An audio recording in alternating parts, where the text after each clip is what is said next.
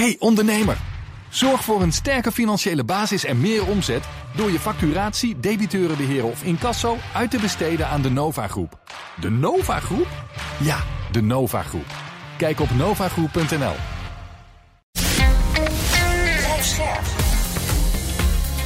BNR Nieuwsradio. Boekenstein en de Wijk.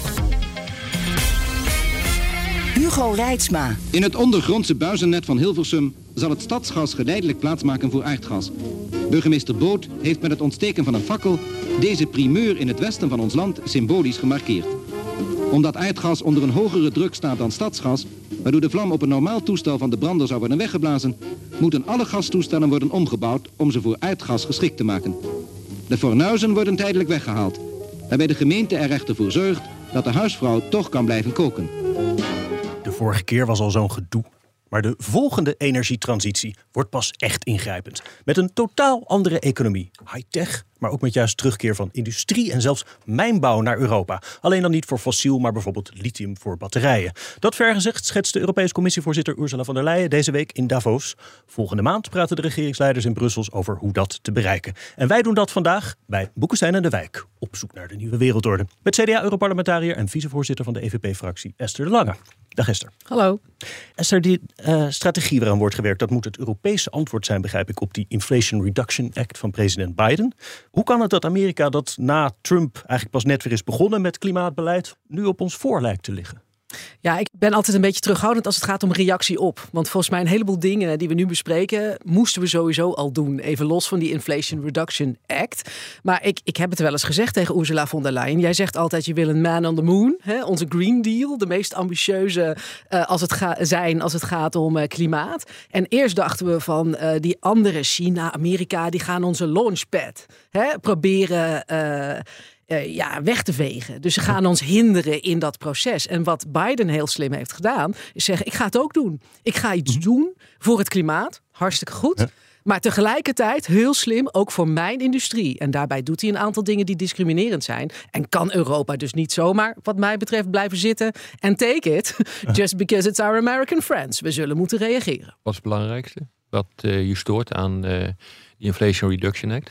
Nou, dus met name die, die, die dingen die discrimineren. Die zeggen van, uh, jij krijgt uh, subsidie op het moment dat je die en die uh, auto koopt. Maar die moet dan per se in Amerika gemaakt zijn. Dat zijn dingen die eigenlijk niet mogen van de Wereldhandelsorganisatie. Dan heb je mensen, met name mijn collega's uit Scandinavië... ook heel veel Nederlanders die zeggen... ja, maar dan moeten we uh, actie ondernemen in de WTO. Maar die ligt op zijn gat. Ja, door de Amerikanen. Ja, ja, dus ja, ga je dan de Amerikanen smeken of ze alsjeblieft, alsjeblieft. Niet zoveel veranderd hè, sinds Trump. Eigenlijk. Nee, maar dat heb ik eigenlijk wel vanaf het begin gezegd. Ik bedoel, uh, Europa was natuurlijk heel blij met Biden. Maar als het gaat om America First... Nog veel harder hoor. Een heleboel dingen door. En vindt Europa het dus ook moeilijker om te reageren... omdat het die lieve Biden is. en niet uh, Big Bad Trump. Eerst zijn de relaties tussen Biden en Europa nog goed genoeg... om een vreselijke subsidieoorlog te vermijden? Of zeg je van, luister eens, Biden levert 80% van de oorlogsvoering in Oekraïne. Dat is een machtig land. En wij zitten hier, we proberen wat, maar we, we zitten er niet sterk in. Dus we moeten zelf ook subsidies gaan doen. Maar dat leidt natuurlijk wel tot heel veel verspilling op die manier. Ja, of die relaties goed genoeg zijn, hangt dus af van een aantal heel belangrijke besluiten die, die de komende maanden geno genomen moeten gaan worden. Hè. Denk ook aan de discussie over het fabriceren van chips. Ja. Uh, heel actueel, hè, want we hebben gezien dat onze premier en onze minister van Buitenlandse Zaken in Washington waren afgelopen week. Op het moment dat ik sprak met Thierry Breton. Dus het was qua Commissaris timing. van uh, Interne Markt. Van Interne Markt, die dus ja, het Europese antwoord zal gaan moeten formuleren. Ja. En uh, wat belangrijk is daarin, is vooral gaat Amerika samen met ons optrekken? Om er, en met anderen, hè, Japan is daar bijvoorbeeld ook heel relevant in, om ervoor te zorgen dat China de voorsprong die ze willen hebben op het gebied van chips niet krijgt. Of gaan, vinden ze het belangrijker dat ze ons onder de duim houden en blijven ze alleen maar Amerikaanse belangen behartigen? Dat is echt heel fundamenteel. En als het ons lukt om daar samen met de Amerikanen in op te trekken, samen met de Japanners, dan heb ik goede hoop. Maar, maar ik mag je... toch hopen, Esther, dat Sorry. je niet eerst uh, gaat wachten op een antwoord uh, van de Verenigde Staten, maar dat je gewoon hier in Europa gaat handelen. Ja, en dan zijn er eigenlijk drie stromingen. Je hebt dus die stroming, ik zei het al, de Scandinaviërs en Nederland neigt daar ook wel een beetje toe van doe maar even niks, want het zijn onze Amerikaanse vrienden. Hm. Je hebt degene die zeggen, ah, er is weer wat aan de hand in de wereld. Wij willen een nieuw Europees fonds. En we willen heel veel geld zien. Hm. En ik zit daar in die zin tussenin dat ik zeg, de dingen die je op korte termijn moet doen, korte en ook de middellange termijn, die zijn veel meer gericht op het in Europese handen houden van grondstoffen. Bijvoorbeeld wat er gevonden is daar in eh, Noord-Zweden. Ja. Gaan we daar dezelfde houding hebben als de Zeldzame afgelopen... aarde. De, Ja. zeldzame Ja. aardmetalen, ja. Gaan we daar de houding houden zo van ieder, everyone is welkom? Of gaan we zeggen dit is van strategisch belang van, voor Europa? Dat houden we grotendeels in Europese handen. Aanbesteding. eh, dus op een heleboel terreinen, het versnellen van vergunningsprocedures, kan je heel erg veel doen wat onze industrie helpt. Maar nu even terug naar, misschien toch naar die chips, hè? daar had je het over. Want dat is echt denk ik cruciaal. Hè? Alles gaat hier over Taiwan. Eh, de, de vrees bestaat dat Taiwan ooit een keer eh, wordt ingenomen door China. Daar ben je TSMC, de grote chipsfabriek... waar 90% van onze geavanceerde halfgeleiders vandaan komt. Eh, ja, die, die zal dan niet meer bestaan. Amerika heeft een deal gesloten met TSMC om daar een fabriek neer te zetten. Dan dek je in ieder geval in op termijn tegen een calamiteit in Taiwan. Hoe staat nou die discussie in Europa? Want ook hier wordt gesproken over een TSMC-fabriek ergens in Duitsland, bij Dresden. Ja, vind ik heel erg lastig om op te antwoorden. eh, want ik spreek toch één op één met al die mensen die daarover gaan in ook. Europa. Ja, dat dacht ik al, eh, Rob. Maar die zeggen ook een heleboel van die dingen zijn op dit moment ook nog classified. Dus ik weet in detail Ja. ook niet wat er besproken is eh, in, in Washington. Wat, of er ook overleg is bijvoorbeeld met de Europese Commissie over hoe kijk je niet alleen naar je nationale belang, maar ook naar het Europese belang. Ik, ik hoop dat dat contact eh, er is. Ehm, en vandaar dat ik zeg, ik kan op de hoofdlijn zeggen, eh, de kern zal erin zitten. Gaan de Amerikanen 100% van zichzelf, voor zichzelf, of gaan ze samen met ons eh, optreden tegen met name Ja, of, China? of, of zit de kern erin dat Schulz, als hij zo'n fabriek hier naartoe haalt, dan moet hij een deal sluiten met Taiwan. En daarmee schoffeert hij in zijn ogen China. Hm. En dat kan zijn handelspositie bijvoorbeeld ten aanzien van de auto-industrie in Duitsland Nou, dat is de kern. En daar zitten we weer Is dat bij, de de, kern? bij de zwakste schakel op dit moment. Of het nu gaat. Ja, eh, en dat is wel heel zorgelijk. Of het nu gaat om eh, eh, leveringen aan, aan Oekraïne op militair gebied. eh, of inderdaad het, het, het, het ehm, ja, kijken naar het Europese belang ook als het gaat om je handelscontacten. Ehm, eh, dan wordt er toch wel met zorg naar Berlijn gekeken.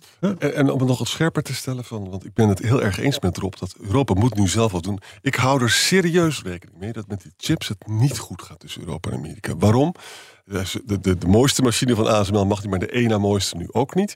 Terwijl dus China heeft niet de allerslimste chips nodig voor de militaire industrie. En de dommere chips die leveren Amerikaanse bedrijven aan China. Moet je even voorstellen hoe kwaad ASML daarover is. Hè? Ja, eens. Ja. Nou, met andere woorden, Amerika heeft de macht nu om het te doen. Dan is er dus tegenmacht nodig. Nu is er echt tegenmacht nodig. En dat moet dan op een hele beschaafde manier gebeuren. Nou, Europa is natuurlijk moeizaam. Dat we moeten het, maar hoe zouden we eh, Amerika onder druk kunnen zetten?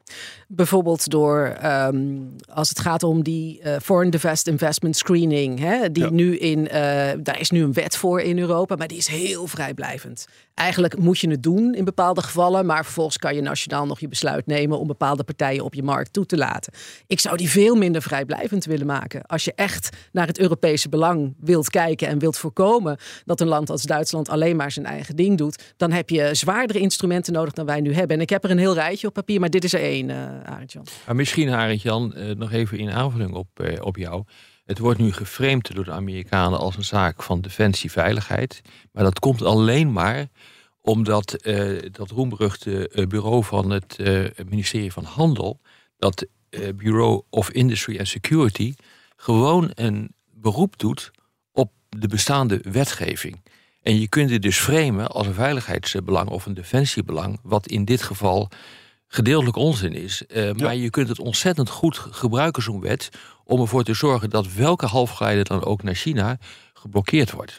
En, en dat is een, precies wat er aan de hand is. En Amerika heeft een lange traditie van protectionisme. Hè. Dat weet, er niet, weet niet iedereen, want het is een vijandelsland, zeggen ze. Dat is helemaal niet waar. En ze gaan die macht zetten ze ook keihard in. We hebben dus gewoon meer Europa nodig. Ja, en ik ben het dus wel met je eens dat die Zweedse reactie van eigenlijk moeten we vooral heel dicht bij de Amerikanen blijven. Ze blijven knuffelen en als ze ons geen ja, wat restjes willen geven, hè, wat, wat, een beetje wat willen toegeven, dan doen we maar niks. Daar ben ik van de strategische autonomie Daar ben ik dus helemaal niet van. Uh, ik, ik ben ook niet over de, die grote fondsendiscussie. De waarheid ligt ergens in het midden met hele slimme instrumenten. Voor, in elk geval laten zien dat de Amerikanen doorhebben. The Europeans won't just sit there and take it. Ik denk dat dat het belangrijkste is. Even iets tussendoor. BNR Nieuwsradio. Boekenstein en de Wijk. Op zoek naar de nieuwe wereldorde. Dit is Boekenstein en de Wijk. En dat programma is natuurlijk niet zonder Arend-Jan Boekenstein en Rob de Wijk. Mijn naam is Hugo Reitsma en we praten met CDA-europarlementariër Esther de Lange over de economie van de toekomst. En misschien even proberen dit een beetje concreet te maken. Want um, von der Leyen had het in Davos over een Clean Tech Resilience Act. En er komt nog een Critical Raw Materials Act, naar voorbeeld van de Chips Act. Ik raakte een beetje de draad kwijt. Maar het gaat dus over energie, industrie en high-tech.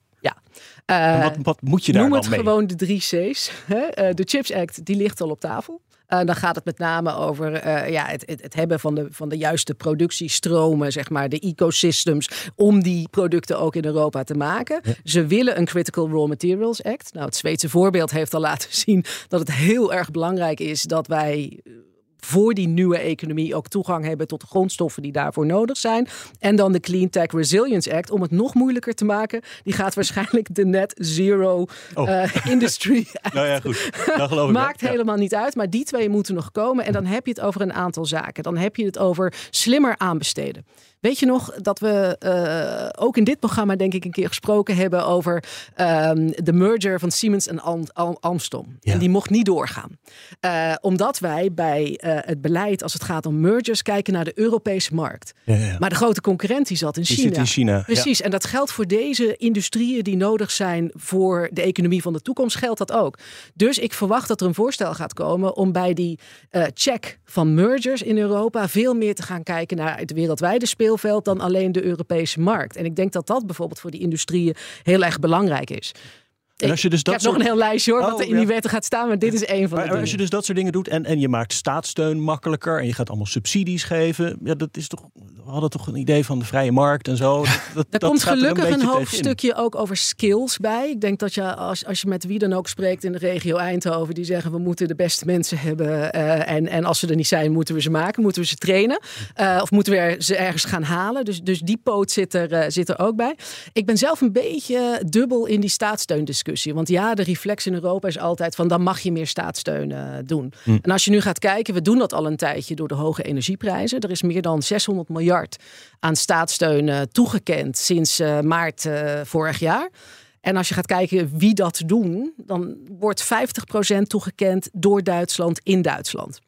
En 25 tot 30 procent door Frankrijk in Frankrijk. En dan krijg je dus automatisch de discussie van de andere landen. Hè, letterlijk een collega uit Spanje die zegt van ja, Ja. maar ik heb dus nu, nu niet alleen last van de Amerikanen, Ja. Ook van de maar ook nog van de Fransen en de Duitsers. Dus hoe vinden we een manier eh, dat we alle 27, Ja, niet en- landen, maar de industrieën in alle 27 En landen. dan komt de discussie op zo'n fonds met een nieuw Precies. Europees geld dat dan wordt En opgehaald. dat is een hele hardnekkige discussie, want dan zit je automatisch weer in het, in, in het, eh, in het debat over de, de midterm review van de meerjarenbegroting, die natuurlijk ja, voor zeven jaar in beton gegoten is.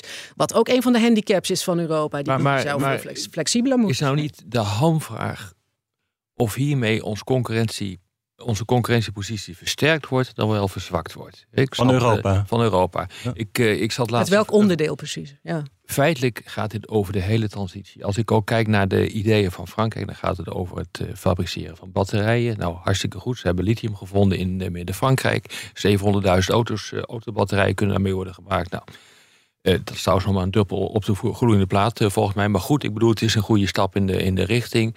Eh, er wordt nagedacht over dus kritische materialen, daar hebben we net over, hebben we het net over gehad. Ga zo maar door. Het zit allemaal dus in die hele cleantech eh, eh, discussie. Prima. En ik ben er ook voor dat het zo schoon mogelijk wordt. Maar tegelijkertijd zien we dat in de hele transitie daar naartoe de gasprijzen zo hoog zijn geworden dat bedrijven gewoon weggaan. En dat zie je dus nu al, ook in Nederland met land- en tuinbouw, met de glastuinbouw. Dat, eh, dat zit nu te overwegen of om te stoppen of weg te gaan. Deindustrialisatie. Deindustrialisatie dreigt. Terwijl dus die hele cleantech discussie ook bedoeld is voor industrialisatie. Ik zie Franse rapporten verschijnen die zeggen van dit gaat niet goed. Dit redden we niet op deze manier. Wat, hoe kijk jij daar tegenaan? Ja, absoluut. Dat, dat is waarom ik zei van wat we nu aan het doen zijn, is niet alleen een reactie op die Inflation Reduction Act. Uh, dat heeft ook te maken met wat andere werelddelen doen, maar ook met de energieprijzen bij Hm. ons. Die gelukkig naar beneden aan het komen zijn, maar niet voldoende. En dus hebben wij ook als Europese Volkspartij altijd gezegd, ook in de discussie um, over de Green Deal en de klimaatwetten van uh, en, en, en, en onze linkse collega's horen dat niet graag. Maar voor ons hoort het klimaatbeleid hand in hand te gaan met een slim industriebeleid. Mhm. Mm -hmm. En dat betekent het, het, het um, met gillende spoed aanleggen van de infrastructuur die nodig is om je zelf geproduceerde energie in Europa ook van A naar B te krijgen. Mm -hmm. En ja, dat is gewoon hardware. Dat betekent ook dat er leidingen in de grond moeten gaan. En vandaar dat ik het zo belangrijk vind dat die versnelling van die vergunningsprocedures, dat die ook in die plannen zit. Want het duurt gewoon veel te lang. Ja. Um, en ik begreep dat Breton nog met de gedachte speelt om te zeggen, net zoals je uh, in Nederland en in Europa klimaat- of, of milieugebieden hebt, denk aan Natura 2000. Nou, er is genoeg discussie over in Nederland op het moment. Maar zou je eigenlijk ook een soort industrial core zones moeten maken, ja. hè, waar je die infrastructuur eens, gaat Maar dat betekent dus dat je al lang het besluit had moeten nemen om zo'n TSMC-fabriek uit Taiwan hier naartoe te verplaatsen. Ja. Ik bedoel, ik heb het gevoel dat we voorloper zijn en tegelijkertijd de boot aan het missen zijn. Ja, en het lastige is dat je natuurlijk altijd met 27 landen dit moet doen, waardoor je een vertragende nou, factor Ja, uh, zeker. Maar het, heeft, het begint ook iets ideologisch te krijgen. Het hele debat. En dat is iets wat mij uh, ja, niet, niet verbaast. Want zo gaat dat nu eenmaal in Europa. Maar we lopen allemaal keihard achter elkaar aan. En het lijkt wel alsof de hele transitie, de hele route en de context waarin dit uh, gebeurt. En je zit gewoon echt in een mondiale context waarin het ene deel van de wereld harder loopt dan het andere deel van de wereld. En wij lopen het hardst. Ja, dat je daardoor uh, jezelf op termijn geen dienst bewijst. Maar in die zin kan die Inflation Reduction Act en wat er nu gebeurt, mm -hmm. wel hopelijk dienen als een soort aanjager. Ja. Want je merkt ja. dat afgelopen week in het Europees Parlement er was eindelijk weer een debat over de aantrekkelijkheid van Europa voor investeringen, over uh, concurrentiekracht. Ja. Um, en dat is iets wat wij als EVP altijd pushen. En ik zei al, dat moet hand in hand gaan met je klimaatagenda. Uh, maar andere fracties waren daar nooit voor. En ineens, hop, komt nou dat debat ik toch zie dus ook plaatsvinden. gewoon wat het sentiment is. Hè? Er is nu een echte aversie begint te komen, bijvoorbeeld in Nederland, maar ik zie het ook in andere landen, tegen energie-slurpende industrieën. Zonder je, dezelfde, uh, zonder je de vraag te stellen van misschien zijn die gewoon wel nodig. He, er gaat een aluminiumfabriek uh, dicht, nou, geen enkel probleem, want het uh, gebruikt mm. toch een hoop energie. Er gaat een kunstvechtfabriek, die staat op de helling, maakt niet uit, dat verbruikt toch veel te veel energie. Glastuinbouw, idem, nou dan gaan ze naar Noord... Noord-Afrika, geen enkel probleem, heb je het niet nodig. Ja, weet je, ik heb eens een keer bij elkaar opgeteld. Ik kwam al vrij, vrij snel tot 15% van je BBP als je dat ja. gaat doen. Ja. Ik zat in de, toen ik net begon in het Europees Parlement naast Jean-Luc De Hane. De Lange, De Hane, dezelfde fractie, die zaten uh, dicht bij elkaar in de buurt. Hij natuurlijk oud-premier van België. Hij werd de loodgieter genoemd. Had voor elk ingewikkeld probleem wel een oplossing. En die zei toen al, we hebben het over 15 jaar geleden, die zei van Esther... Uh, de keuze is heel simpel. Of we worden bokrijk, dat is zeg maar de Belgische versie van het Openluchtmuseum in Arnhem, waar mensen komen kijken ja. Hoe mooi het is. Exact. En we doen zelf helemaal niks meer. Ja. Of we investeren in deze transitie. En dit heb ik altijd heel goed bijgehouden. En ja. ook gezegd in het kader van de Green Deal. En ik weet niet of Frans Timmermans het graag hoort. Maar de Green Deal gaat niet werken als die geen banen oplevert in Europa. Zeker. En ja. dat staat nu onder druk met wat de Amerikanen nou ja, aan het doen. Dat is natuurlijk het fantastische met landbouw. Uh, er zijn uh, ja, uh, berekeningen geweest, ook van de Wageningen Universiteit, 20% landbouw minder door de nieuwe biodiversiteitsstrategieën en dat soort zaken. Je bent er dus ook niet meer in staat om op dat gebied autonoom te worden. Ik heb ja, net 68 amendementen op ingediend, want die wet zit inderdaad heel fout ja. in elkaar. Leidt dit ook wel als ik het zo hoor van je gaat die nieuwe economie steeds meer vanuit Brussel dan coördineren waar het allemaal heen moet, eventueel met, met fondsen erbij, met Europees geld. Leidt dit zoals bij alle crisis lijkt te gebeuren ook weer tot meer Europa, tot een enorm enorme stappen in Europese integratie? Als je dit zo Nou, ik denk dat we in die zin wel moeten. Want het alternatief is dat iedereen net een andere kant uitgaat. En dat we wereldwijd geen deuk in een pakje boter slaan. Nou, Nederland die gaat natuurlijk ook zijn eigen richting eh, op. Hè? Als ik nu kijk naar uh, die uh, wetgeving die mogelijkerwijs door de Kamer gaat komen over internationaal verantwoord ondernemen. Ik ben blij dat jij hem noemt. Hoef ik het niet ik te bedoel, doen. Ik vind het een van de meest krankzinnige ideeën die er is op dit Dat je verantwoordelijk bent voor alles in je hele je bent gewoon alles toeleveringsketen. verantwoordelijk in je Ja. hele keten. Eh, dus dat betekent eh, dat je, nou ja, op een aantal gebieden kan ik me dat heel goed voorstellen. Je, je wordt dus verantwoordelijk voor mensenrechten, je wordt verantwoordelijk voor Kinderarbeid. kinderarbeid, je wordt verantwoordelijk voor het klimaat als eh, bedrijf. Ja, weet je, ik kan me voorstellen in het kader van Boskalis dat je dan zegt van ik ga weg. En eh, ik kan je melden, eh, ik ken vrij veel van die mensen. Het is niet de enige eh, die zegt ik ga weg. Want dit, dit is gewoon wat ik niet wil. Ik wil niet een verlengstuk worden van de politiek. Als je het doet, moet je het in heel Europa doen. Ja, en het gekke is, die discussie speelt ook in Europa. Die wet ligt voor in Europa. Ik denk dat we dat goed doen. Ik denk dat we veel meer onze macht op handelsgebied moeten gebruiken om ook dat soort dingen af te kunnen dwingen. Het heeft ook een eh, eigen belang. In de zin van als je op basis van maatschappelijk verantwoord ondernemen kunt zeggen, die goedkope onzin die ten koste van het klimaat gemaakt is elders, die willen wij hier niet tegen de lage dumpprijzen waartegen we ze nu zien, is dat eigenlijk ook in ons belang. Dus ik Ja. ben wel voor die wet. Maar wat ik heel gevaarlijk vind, is dat in Nederland een beetje de, de houding heerst van. En we gaan het ook nationaal doen. En dat betekent altijd weer iets erbovenop. Eh, dus dan maak je van jezelf die, die Spaanse collega. die tegen mij zegt: van ik heb niet alleen last van de rest van de wereld. Maar vooral Eh, van jezelf. Maar in dit geval vooral van jezelf, omdat je je uit de Maar de vraag is ook met dit soort wetgeving, dat heeft te maken met de hele discussie eh, die we nu eh, voeren, is of je gewoon luxe hebt eh, om dit nog te doen. Want inmiddels hebben we dus Rusland eh, afgeschakeld. We zijn bezig om China af te schakelen. We mogen dit niet, we mogen dat niet. Het probleem is het alleen dat alle grondstoffen gewoon in foute landen zitten. De energie zit in foute landen. We moeten gas, eh, waterstofgas in de toekomst gaan importeren uit landen als Oman. Ook niet de meest geweldige democratie in eh, de wereld. Of we moeten daarvoor kijken naar Saoedi-Arabië. Bedoel, dit is een doodlopende weg in eh, mijn optiek. Ja, en dus een verandering in wat de Europese Unie moet zijn en moet doen. We hebben 70 jaar lang naar onszelf gekeken. Ja. En dit is veel meer over onze plek in de wereld. Op de radio ronden we af, maar in de podcast gaan we langer door met luisteraarsvragen. Luistert u op de radio, dan verwijs ik naar boekensteinendewijk.nl of uw favoriete podcast-app. Marcus Ganeveld vraagt: Wat vinden jullie van eigen marktbescherming zoals de Inflation Reduction Act? Leidt dat niet naar nationalisme all over the world? Wat is dan het resultaat? Let wel, Rusland, India, China en niet gebonden landen zijn van grote importantie ten opzichte van de VS en EU. Als als dus iedereen zo protectionistisch wordt, Dat gebeurt toch ook op het ogenblik? als, We als gaan wij toch naar een zero-sum game eh, wereld toe. We gaan mercantilisme, eigen economie eerst. Dat zijn toch elementen die steeds eh, verder naar voren komen. Is al jaren is dat zichtbaar. En dat heeft gewoon te maken met de opkomst van China. Die wat dat betreft een totaal andere waardepatroon eh, heeft. Die gaat niet uit van ons, zijn definitie, onze Europese definitie van vrijhandel. Dat is gewoon echt anders. Er zitten Dus- wel gradaties in. Natuurlijk. En dat is nu denk ik de uitdaging. Ik ben in die zin wel blij met het Zweedse voorzitterschap. Het is heel ironisch dat het Zweedse voorzitterschap inderdaad die, die meer marktbeschermingsneiging nu op zijn bordje krijgt. Want zij zijn eigenlijk degene die daar heel erg tegen zijn. Ja. Uh, en, en daarom hoop ik wel dat ze daar een goede balans in kunnen vinden. Je moet, je moet escalatie voorkomen. Uh, hierin. Aan de andere kant moet je ook niet het sukkeltje zijn dat niet opkomt voor zijn eigen belang. Ja, maar realiseer, dit heeft ook te maken met de hele discussie over friendshoring of ally-shoring. Dat, dat klinkt wat achtelijk, maar wat, wat daarmee bedoeld wordt, is feitelijk dat je zaken gaat doen. Je haalt je grondstof, je energie weg uit bevriende landen. De grote vraag is dus nu, wat zijn dan bevriende landen? Zijn dat alleen maar democratieën? Nou, dan ben je vrij snel uitgeteld in de wereld, want die worden steeds minder. Dat is echt waar. Er zijn nog maar twintig volledige democratieën in de wereld. twintig nog maar? Ja. En, dus dat is, en dan een hele hoop. en, en dan zit er een hele hoop uh, bij die nog wel democratisch zijn, maar op een andere manier gedefinieerd. Frankrijk is daar een mooi voorbeeld van. Er is geen volledige democratie meer. Hongarije is geen volledige democratie meer.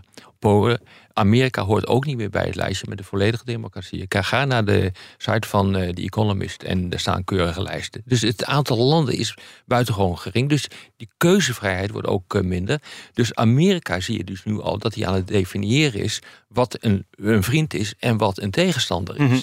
En ineens blijkt bijvoorbeeld Venezuela blijkt bij de vrienden te horen. en, Wie had dat kunnen denken? Ja. Nog eentje van Marcus Haneveld. Die zegt: Niet los van de IRA is het uitsluiten van landen zoals China, India en Rusland van chipmachines en zelfs chips. Leidt dit niet tot enorme spanningen? Stel dat wij, VS en UU, buitengesloten worden van zeldzame aarde, dan zouden wij toch ook wraakgevoelens krijgen. Dat is ook zo. Dat is waar. Maar het is al, altijd, alles is een dilemma in buitenlandse politiek. Hè? Als je ze wel zou geven, ja, dan gaat Poetin ze in raketten stoppen. Het lijkt me ook niet zo'n geweldig idee, toch? Dus eh, we komen er niet zonder vuile handen te maken en zonder risico's te nemen. Het gaat om het houden van de voorsprong die Ja. we hebben op dat terrein. En dat betekent niet dat je geen enkele machine meer kunt leveren. Maar het betekent wel dat je die dingen eh, die most advanced zijn. Eh, en zeker degene met, met veiligheidsimplicaties, eh, die staan sowieso, eh, wat mij betreft, gaan die niet die kant op. Ehm, maar ook degene die zorgen voor onze voorsprong, die kunnen daar nog niet heen. Hm. Want wij willen die voorsprong houden. We hebben hem hier, laten we zorgen dat we hem houden. En het is heel jammer dat Intel dus tien jaar geleden een verkeerde bocht afnam. Mm. Waardoor TSMC 90% heeft. Hè. Het mooiste was natuurlijk geweest als we dat hadden, Amerikanen dat hadden behouden en de Europeanen ook een beetje hadden gehad. En dat wij gewoon de beste waren. Hè. Dan zaten we heel anders in deze.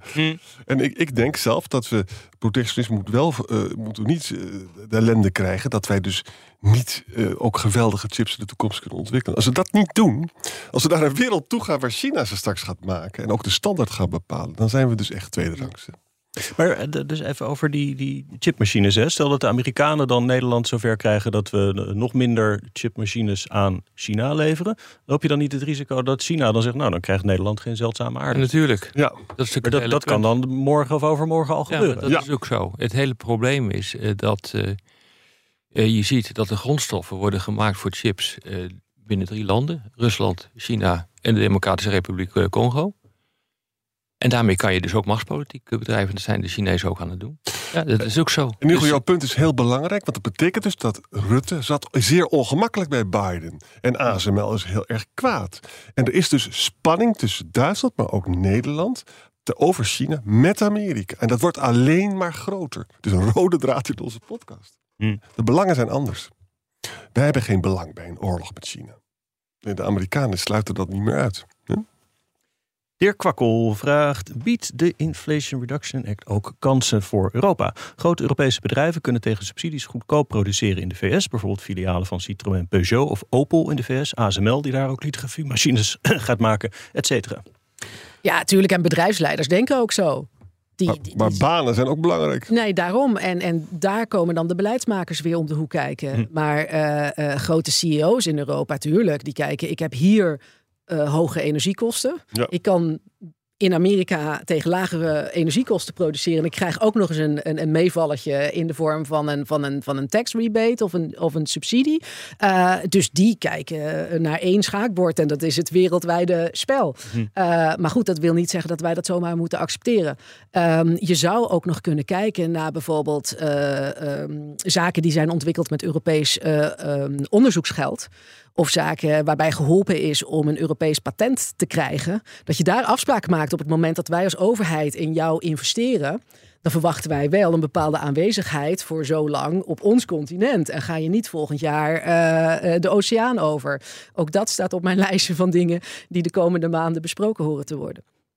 Jacobus vraagt nog: wat is het verschil? Oh, dit hadden we eigenlijk al een beetje aangestipt. Wat is het verschil tussen Trump en Biden eigenlijk aangaande de economische opstelling richting de EU? Niet zoveel. Nee. Het is gewoon een aardige man, eh, Biden. Maar hij is nog eh, harder, eh, vind ik, dan, eh, eh, dan Trump. Ook als je kijkt naar zijn China-beleid. Het is slimmer gedaan. En het, andere, het, aardige van Biden is, is dat het niet opvalt. Eh, hij maakt geen fus. En hij doet de meest verschrikkelijke dingen. eh, harder dan Trump. Maar hij maakt geen fus. Bij Trump ging dat allemaal gepaard met een hele hoop eh, lawaai. En niet- nu niet. En helpt, iedereen denkt dat er niks aan de hand is. Maar dat is dus niet zo. hij helpt ons enorm met Oekraïne. Maar hij maakt ons, brengt ons echt in de problemen met China. Ja. Dat is het verhaal. Ja, ja want wij hebben natuurlijk een compleet andere eh, eh, visie ook op, op zaken doen met, eh, met China. Dat is En absoluut ik, denk dat pas de helft van de Europese hoofdsteden dat doorheeft. Als je kijkt naar de zucht van verli- verlichting die ging, onder andere in Berlijn eh, na de verkiezingen, toen het eh, niet Trump werd, maar wel Biden. Ehm, ja, die komen nu van een koude kermis thuis. En ik weet niet of ze daar al voldoende conclusies uit getrokken hebben. Dit waren alle vragen die mensen hadden. Nou, mooi. Dank daarvoor. Kunnen we dus weer. concluderend zeggen dat, eh, als ik het zo een beetje hoor, eh, dat 2050 wacht ons een stralende, schone, high-tech toekomst. Alleen de komende 25 jaar wordt misschien een beetje ingewikkeld. Nou ja, in, ja, nou ja, ons wacht denk ik een hele schone, stralende toekomst. De vraag is alleen of dat een schoon openluchtmuseum wordt. Of een, eh, of een schone industrieel deel van de wereld. Dan eindigen we toch eventjes met eh, Jean-Luc de Hanenzouder. Ja. En je zou zelfs kunnen zeggen, als we niet nu Europees deze problemen gaan aanpakken, dan kan het wel eens gewoon zo zijn dat we nationaal blijven doen, dat we afglijden. Met andere woorden, alle euroceptici hebben een, heel veel dingen uit te leggen. Als je nu zegt, ik wil niet meer Europa en zo, ja, hoe gaan we die internationale problemen dan oplossen? Hoe gaan we dat doen? Ja, niet. Vraag het aan de Britten, zou ik zo zeggen. Dit was weer Boekenstein en de Wijk. Namens Arend-Jan Boekenstein en Rob de Wijk. Dank voor het luisteren. Speciale dank aan Esther de Lange. En tot de volgende. Tot de volgende. All right.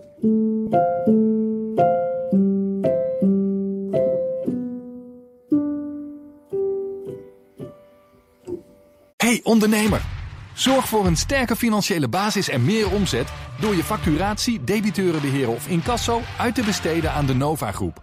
De Nova Groep? Ja, de Nova Groep. Kijk op novagroep.nl.